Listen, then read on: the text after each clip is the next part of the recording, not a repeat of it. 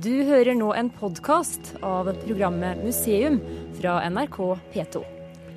Dette programmet ble første gang sendt i mai 2016. Anno 1784, den 21. juni, er jeg, Ole Kristoffersen Blom, født på gården Nes i Sunnebygden. Det er Per Ormestøyl ved Vest-Telemark museum som leser dette. Han leser fra tekstene til Ole Blom fra Kvitseid. I museum i dag skal vi bli litt kjent med denne storbonden. Stortingsmannen, sagbruksmannen, brennevinsbrenneren, ordføreren og levemannen. Her ligger da noen av de dagbøkene ja. som har blitt transkribera. Det ligger vel fremdeles ei på Telemark museum, og ei ligger i Kongsberg, på ja. Statsarkivet der. Det er seks bøker til sammen. Eh... Ole Blom er ingen kjent størrelse i norsk historie, og selv i Kvitseid er ikke navnet på alles lepper. Men det genuine med Blom er at han skrev dagbøker. I flere tiår skrev han ned sine daglige gjøremål, hvem han møtte, hvilke veier han tok, hvordan han sådde. Men han kommenterte også store politiske hendelser i samtiden. Samtidig er materialet en solid dokumentasjon på den store alkoholproduksjonen og konsumet som preget eh, den første delen av 1800-tallet i Norge. Dagbøkene og brevene er nå transkribert og blir nå utgitt i to store bind. En viktig historisk kilde for Telemark og for livet i Bygde-Norge på 1800-tallet. Som ei drikke la klamres og støye, evan forskyldende synder og skam gleden gavne og gavnligt fornøye var en bestandig grunnsetning hos ham.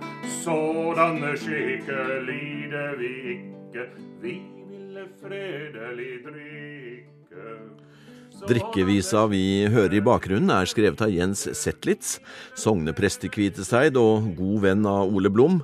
Sammen med bonden og læreren Ole Bjørnsen utgjorde de den såkalte Zetlitz-kretsen. De diktet, drakk og sang. Trubaduren vi nå hører, er Johannes Skarprud. Han er leder i Kviteseid historielag og har jobba lenge med Ole Bloms dagbøker. Vi befinner oss i Juvestoga, den er fra 1799 og er flytta fra Øyfjell til Vest-Telemark museum. Og det er ikke utenkelig at Ole Blom har vært nettopp i dette rommet hvor det nå synges. Det var dagbøker vi visste om at han hadde. Og vi visste at det skulle finnes fire dagbøker. Eh, og ved nærere ettersyn da, så viste det seg at det lå et par på, på Telemark museum. Men vi visste jo at det var familien, rester av familien i Kviteseid som satt med det meste av dette materialet. Og de har passa veldig godt på det gjennom da, nesten 200 år. Men så fikk vi et godt samarbeid med den nåværende del av familien om å få ut dette materialet. Eh, og I løpet av dette arbeidet som er gjort, så fant vi ut at det var masse brevkopier i, i eh, protokollene. Slik at vi har brev som, som, Blom har sendt rundt til venner og kjente og forretningsforbindelser, ja. som er med til å, å, å gjøre et enda bedre ljos over det som, eh, som Ole har skrevet. For dagbøkene hans det er ofte veldig knappe og sånn, men i brevet der utfolder han seg skikkelig med ærbødigste og all verdens sånne fine formuleringer, og, og dreg på litt stort somtider. Så, så, det er en veldig fin blanding, det som vi får til nå, med dagboknotat og med, med brev innimellom. Og, det, og Bakgrunnen var da at vi i Kvitsøy historielag fikk disse henvendelsene. Og så fant vi ut at dette var for stor oppgave for Kviteseid historielag, som tok eh, kontakt med museet her oppe på Esborg og spurte om de var interessert, og det var de. Og vi har hatt et veldig godt og fruktbart samarbeid om å få dette til. Og eh, som det blir sagt, altså Nå håper vi virkelig at dette kommer ut til de som er historisk interessert, for her er, her er all verdens morsomme ting å, å lese.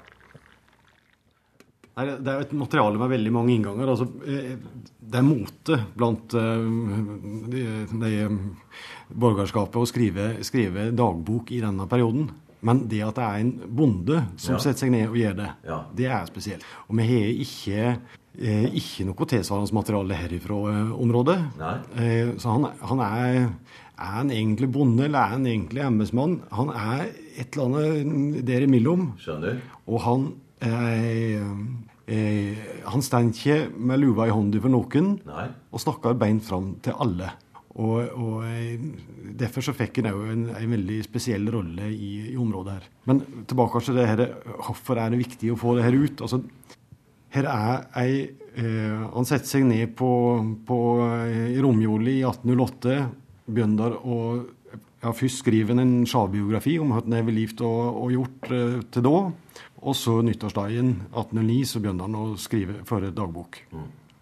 Og det gir han fram til en måned før han dør, i 1846. Så det er et langt tidsspenn eh, i en periode der Norge blir forma. Ja. Det her er eh, lokaldemokrati, det er eh, handel, det er, det er frigjering av privilegium. Det er, det er så mange ting som man kan gange inn i. I tillegg til f.eks. utvikling innenfor jordbruket. Eh, det første avlsarbeidet, eh, eksperimentering med forskjellige kornslag, gjødsling. Blom er midt oppi det her, og han beskriver det. Og, og, eh, og det materialet her, det er nå en, ei ølle for mange historikere eh, framover. Og, og det er på en måte hovedbakgrunnen for at vi gir det ut. Museum er i Vest-Telemark, eh, på Eidsborg. Det dreier seg om Ole Blom fra Kvitseid. Storbonde og ordfører og stortingsmann. Sagbruksleder og ikke minst levemann. I dette kulturhistorisk rike området levde han fra 1784 til 1846 og var engasjert i det meste. Fra det dagligdagse til det storpolitiske bildet på den tiden. Det spennende er at han skrev dagbok i flere tiår, og disse dagbøkene kommer nå ut i transkribert form. Dag Rorgemoen er direktør på museet, og når vi først er her, så får vi en liten presentasjon av hva museet har å by på. Dette er et sted det kan være verd å avlegge et besøk. Altså her har det vært, um, museum lenge. Anlegget her ble um, påbegynt av Eivind Tveiten. Han kjøpte opp to gårder Ruppestøg og Nistøg Vindlaus og, og ville bygge museum her. Og siden har det her uh, blir lagt stein på stein, og nå er det et, et veldig flott anlegg her med, med et stort friluftsmuseum. Vi ligger rett inn med Eidsborg stavkirke fra 1260. og her er flytta til litt bygninger, og vi får opp et veldig flott uh, samlings- og administrasjonsbygg. Ja, og Det er jo stavkirken som på en måte vekker oppmerksomhet når en kommer forbi her og f.eks. skal ned til dalen eller opp til uh, Høydalsmo. Så er det den som, uh, som slår tonen, han. Ja, det er første du møter her, og, og det er jo grunnen til at det, det ligger et slikt anlegg her. Stavkirka er, er veldig flott og er noe av det viktigste vi har å vise fram. Men vi har mye her. Vi har jo Stålekleiloftet fra 1167 og Juvestøga. Her er et stort anlegg med, med mye, mye å, å, vise fram. Og dette loftet, det er gammelt? Ja, det er til nå det eldste, eh, den eldste profane trebygningen i landet. Og jeg har drevet og leita ute i Europa og ikke funnet maken. Så eh, det er ikke så verst å ha en liende på sin opprinnelige plass midt på museumsgården. Her er vel 30 antikvariske bygninger på, på området her. Ja. Så, eh, Så er det stavkirka da, som liksom er eh, den største, vel? Det er den største, viktigste attraksjonen. Det er, Ja. Men nå skal vi bort i Juvestøga, og den, eh, den er jo veldig spesiell. Det som, er, det som er spesielt med dette museet, det er jo at uh, veldig mye av bygningene ligger på sin opprinnelige plass. Ja. Så det er, Så museet er flytta dit bygningene var, og ikke omvendt? ja, det er ikke som på Maihaugen eller, eller andre friluftsmuseum. Nei. Men Juvestøga den er flytta hit. Ja. hit i, Hvor er den eldste hen, som du sa, som du ikke har funnet ja, det, til? det er loftet som ligger her. Det, det er toetasjes loftet? Ja. Utrolig. Det er daterer til eh, altså Stokkene ble hogd vinteren 1167 Ja. og eh, ligger midt på museumsdagen. Og museumslyttere har eh, kunnet vært med inn der i et tidligere program for noen år siden. Ja, det er en veldig spennende historie og segner knyttet til det løftet. så det er Her er det kvernsteiner, og her er det Jeg håper de fyra godt inne. Ja, ikke sant? Ja.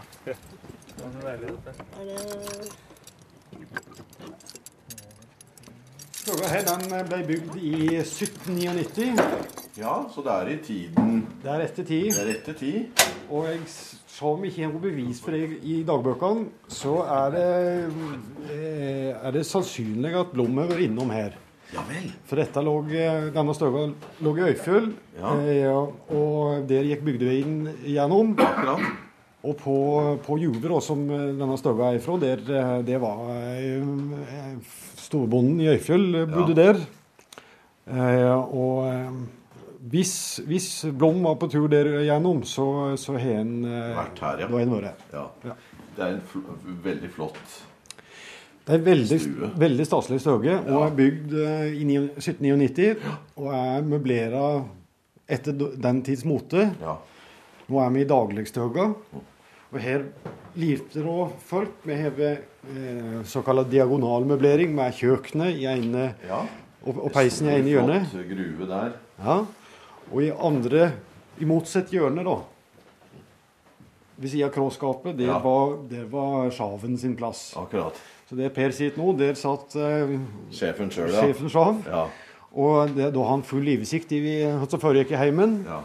Og i skåpet så har han Bibelen, ja. brennevinet og sylpenningene. Okay. Så her har det, var det orden på ting. Ja. Vinterstid så bodde jeg jo trangt. Da var det om å gjøre å å- Komprimere hele tilværelsen. Ja. Så her i denne støga så vet vi at det bodde med stort og smått og tjenerskap og alt sammen, så var det en 12-15 stykker. Oi. Så de fylte godt opp i sengene her. Ja, det vil jeg tro. Og, eh, og så har de da halve huset eh, nærmest. Altså er, er eh, gjestestøge. Er statsstøge. Skal vi bare gå inn og se åssen det ser ut her. Det er flott, altså. Oi. Se her. Så kom Blom her, så var det nok her inne han ble tatt imot. Akkurat. Her, det her med gjestfridommen og det å takke vel imot eh, de som kom etter veien, det var eh, et høyt eh, sett ideal her. Det skjønner jeg. Og denne gjestestøga er jo, er jo veldig flott dekorert. Ja, det er malt på veggene her. Her er måla En hest og en mann, og det er en flott liten etasjeovn, og det er flotte skap med, med flotte, fine utskjæringer og, og rosemalt delvis. Ja, Virkelig flott. han, han som eh, har denne støga, er juvekongen. Han, ble, het, han var jo ikke ordentlig konge, men han ble kalla det, for han var, han var rik og han har eh, veldig sjavtillit. Ja. Så derfor så kaller bygde, bygdefolk ham for, for juvekongen. Og eh, Joakim han visste nok at blå var den dyreste fargen. Akkurat. Og han visste at alle, ja, og han visste at alle andre visste at blå var den dyreste fargen. Og derfor ville hele gjestestøga si blå. Da har vi fått et lite tidsbilde om de fysiske forholdene på den eh, tiden Ole Blom eh, var på kryss og tvers i bygdene, og hvor han drev sagbruk og dyrka marka og leste aviser og tidsskrifter. Og så var han på stortingsmøter, og her får vi en liten rapport fra dagboka fra en slik dag. Den 12. juli 1821 var jeg i komité og skrev meget. Dagen før var jeg hos professor Esmark og beså adskillige instrumenter, og siden hos maleren Munch, hvor jeg så det deilige maleri over kroningen i Trondheim 1818. Her er det snakk om eh, geologiprofessor Jens Esmark og maleren Jakob eh, Munch. Ja, Vi føler virkelig vi har funnet ei skattkiste her. Og vi har kosa oss rett og slett gjennom eh, prosjektet med materialet. Og her vil det være mer å hente, mer å øse for eh, historikere, lokalhistorikere, ettergranskere. Det er en inngang til en periode som vi her nå får en sammenhengende fortelling ifra, og ei samtidig beskrivelse. Så det er, det er i alle Men og, ja, Og så får vi da altså et bilde av et bygdesamfunn ifra Norge og Kviteseid var en del av et enevelde der vi var bare en liten provins, til den omformingen som skjer rundt 1814, der vi blir et, eh, et eh, eget land eh, og blir flyttet over til Sverige, der vi ikke lenger er innenfor det eneveldet, men vi har vår egen grunnlov. Og det, personene her, som er både han som skriver særlig, men òg de personene han forteller om, veldig mange av de, er med i denne prosessen. Eh, aktive deltakere eh, sammen med han. Vi, vi hører om flere stortingsrepresentanter og, eh, og folk som er inne i dette. her, Og, og til vi kommer da fram til eh, kommunene her, eh, står opp, og, og Ole er den første ordføreren i Kviteseid. Slik at vi har hele det spennet der, som, eh, som du ser da ifra ei bygds side, og ikke bare ifra toppen. nei. Og han er for så vidt på alle sider.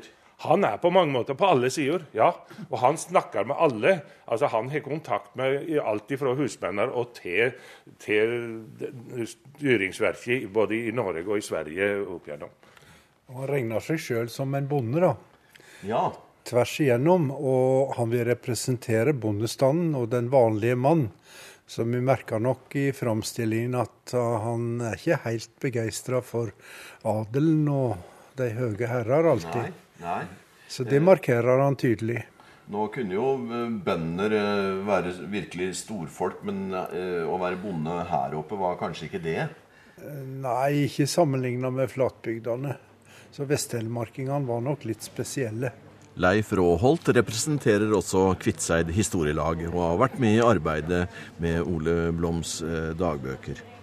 Nå skal vi høre om de utfordringene en skog- og sagbruksmann hadde her oppe i det øvre Telemark, hvor kommunikasjonene var krevende. Sagbruksdrifta her, den var eh, veldig omfattende. Skogen hadde stor, veldig stor økonomisk verdi for bygdene her oppe. P- Ifra, eller på slutten av 1700-tallet og inn på 1800-tallet. I dag så kan vi seile på, på en kjøl fra havet og helt opp til dalen. Men her får vi virkelig et innblikk i hva slags problem det var med Telemarksvassdraget før det ble kanalisert. Altså, det er en enorm varetransport som gikk ned gjennom Telemarksvassdraget. Og, men med masse utfordringer pga. fossar og stryk. Og måten det her blir organisert på eh, hos privilegier ligger jo eh, borgerskapet og, og eh, handelsborgerne i Skien og Porsgrunn. Mens eh, en eh, nærmest hever eh, ja, det er ikke, Jeg vil ikke si en, en, et husmannsforhold, men, men bøndene her oppe og eierne av skogen de ble veldig avhengig av oppkjøperne der nede. Og, og det her eh, får vi et veldig godt innblikk i. Og du får, eh, altså det Når du snakker om kommunikasjon, du får også veldig tydelig fram hvordan vær og vind virker inn. Altså Når det gikk bra, så klarer Ole Blom å reise fra Kviteseid til Porsgrunn og Skien eh, og gjøre forretningene sine og reise hjem igjen. Og det klarer han på tre dager. Han reiste ned på én dag, gjorde forretninger én dag og reiste hjem igjen neste dag. Da var alt maksimalt. Men det, høvde, det altså på det verste så kunne det ta 13 dager å gjennomføre samme operasjonen. Når vær og vind og is og alt sånt noe sto imot. Så det forteller jo oss Altså, nå, nå setter du deg i bilen og regner med at det tar så og så lang tid å kjøre den og den strekningen, men, men her var det da veldig avhengig av, av naturen hvordan den var. Og ja, Hvor langt er det ned til Skien-Porsgrunn herfra? da? Ja, altså ifra, fra, fra Kviteseid etter Vassveien så kan du si det er en, eh, det er en åtte mil eller noe sånt. Mm. Den, den veien der. Skjønner, men eh, det er ikke noen åtte enkle mil. Når det er vær å føre til det, så gikk det altså ganske bra. Men når han skriver at isen lå til mens, da betyr det at ikke kan du gange på den, og ikke kan du ro der. Ikke sant? Og hva gjør du da? Da, da kravler du deg fram eh, i fjellskorten langs med vannet. Men når isen virkelig var god, og de kunne sette en hest framfor en slede og peise på ned gjennom, så vet du, det gikk bra med et par mil eh, fort. Så, så det, det, var, det, det var veldig variabelt. Det er flere ting vi må, eh, vi må innom her. for det, han, han er sagbruksfører. Det er en viktig side i en lang periode. Han er rolla som forlikskommissær med jordbrukeren og, og landbruksutvikleren, kan man ja. si. Eh, med dikteren, med politikeren osv. Og så har vi òg levemannen. Ja. Han eh, var en kapasitet til, på flere felt. Og, og at han eh, klarte å live et såpass eh, eh, Hva skal man si, da? Strukturert liv? Strukturert liv kan vi bare, eller bli bare imponert i. Altså for, for det her er en periode der eh, alkoholkonsumet og festligheter er, er ja, Alkoholkonsumet er veldig høyt. Ja. Per er nå forresten eh, ekspert på dette feltet, men eh, altså, eh, Takk. Takk for det. men, men eh, eh altså det var et veldig viktig sosialt liv som, eh, som Blom var en, tok en stor del i. Og, og det er et stort en stor økonomisk side knyttet til brennevinsproduksjonen her. Mm. Per, du kan fortelle litt. Det har seg jo slik at de, etter napoleonskrigene i 1816 så ble ja. heimebrenninga eh, gjort fri, som det heter da. Litt av eh, årsaka til at eh, denne nye lova i 1816 kom, ja det var jo det at de ville ha litt fart i dette med jordepleproduksjonen. Eh, for det var jo naudsår. Mm. Eh, så derfor kom denne brennevinskatten. Men det det førte til Du fikk jo mye mer pening for brennevin enn for jordeple ja. alene. Ja. Så folk tok jo til å brenne ut av en annen verden. Så noen har regna seg fram til det at eh, etter denne lova kom, og da i 1833 så var konsumet her i Norge på over 12 liter per person ja. på rent brennevin. Mens vi i dag har et konsum på rundt fem liter. Så det er store mengder i dette, da. Disse dagbøkene de viser i hvert fall at dette er nokså sannsynlig at eh, konsumet i hvert fall er mye høyere enn i dag. Eh, både i de høyere kretser og i de lavere. Folk ligger jo fulle i grøftene. Ja, for jeg tenker på det, Hvordan var den sosiale tilstanden i, her rundt eh, Blom da? En hører jo mye forskjellig, kan en si, men det virker som de klarer å styre seg stort sett. Eh, du kan jo kanskje ta dette med fyll og Altså, det, det, er helt utrolig hos Ole Blom og en del klarer seg samtidig som de drakk. For det var ikke med måte de drakk. Eh, men Ole Blom han skiller bl.a. mellom en god perial eh, og, og fylleri. En god perial? Perial, ja. ja. Det må du forklare. Ja, det ikke, det, jeg tror rett og slett at det gikk på at da var du god og full. Ja. Men du var likevel med deg sjøl. Du, du rådde med deg sjøl. Men fylleri, da var det sånn som det er sagt her, at da lå du i grøfta. Per Ormestøyl er museets prosjektleder for utgivelsen av Ole Bloms dagbøker og brev, og som historiker har han også befatta seg spesielt med brennevin og Telemark, i en masteroppgave om brennevinet i fylket fra 1814 til 1919. Eh, Leif Roholt har også sett nærmere på alkoholen i dagbøkene til eh, Blom. Bl.a. funnet ut hvor mye brennevin som gikk med til Ole Bloms mors begravelse, uten at vi vet hvor mange som deltok i den. Han skriver jo da, når mor hans døde i 1826, at da fikk han en kar fra Kviteseid til å brenne for seg. Og han brente 19 potter, dvs. Si ca. 18 liter med brennevin. Og så oppdaga han at det ville komme mye folk, og så fikk han ei dame, og hun brente da 15 potter for han. Så da hadde han eh, noen og 30 liter med brennevin. Og i tillegg så fikk han folka fra Skien til å ta med seg en kagge med akevitt, og det var 38 liter. Og dette gikk med under gravferda, i tillegg til at de hadde med seg en del vin fra byen. Ja. Klamres og støye, evan for skyldende synder og skam. Gledende gavne og gavnligt fornøye var en bestandig grunnsetning hos ham. Sådanne skikke lider vi ikke, vi ville fredelig drikke. Sådanne skikke lider vi ikke, vi ville fredelig drikke. Vinen at krydre og gleden for øge, kom den uskyldige skjem til vår jord. Brødre, vi gleden oppriktigen søge, jokkes med evan og gjeste vårt bord. Fremmede skikke lide vi ikke, vi ville le når vi drikke. Fremmede skikke lider vi ikke, vi ville le når vi drikker. Du har nå hørt en podkast av programmet Museum fra NRK P2.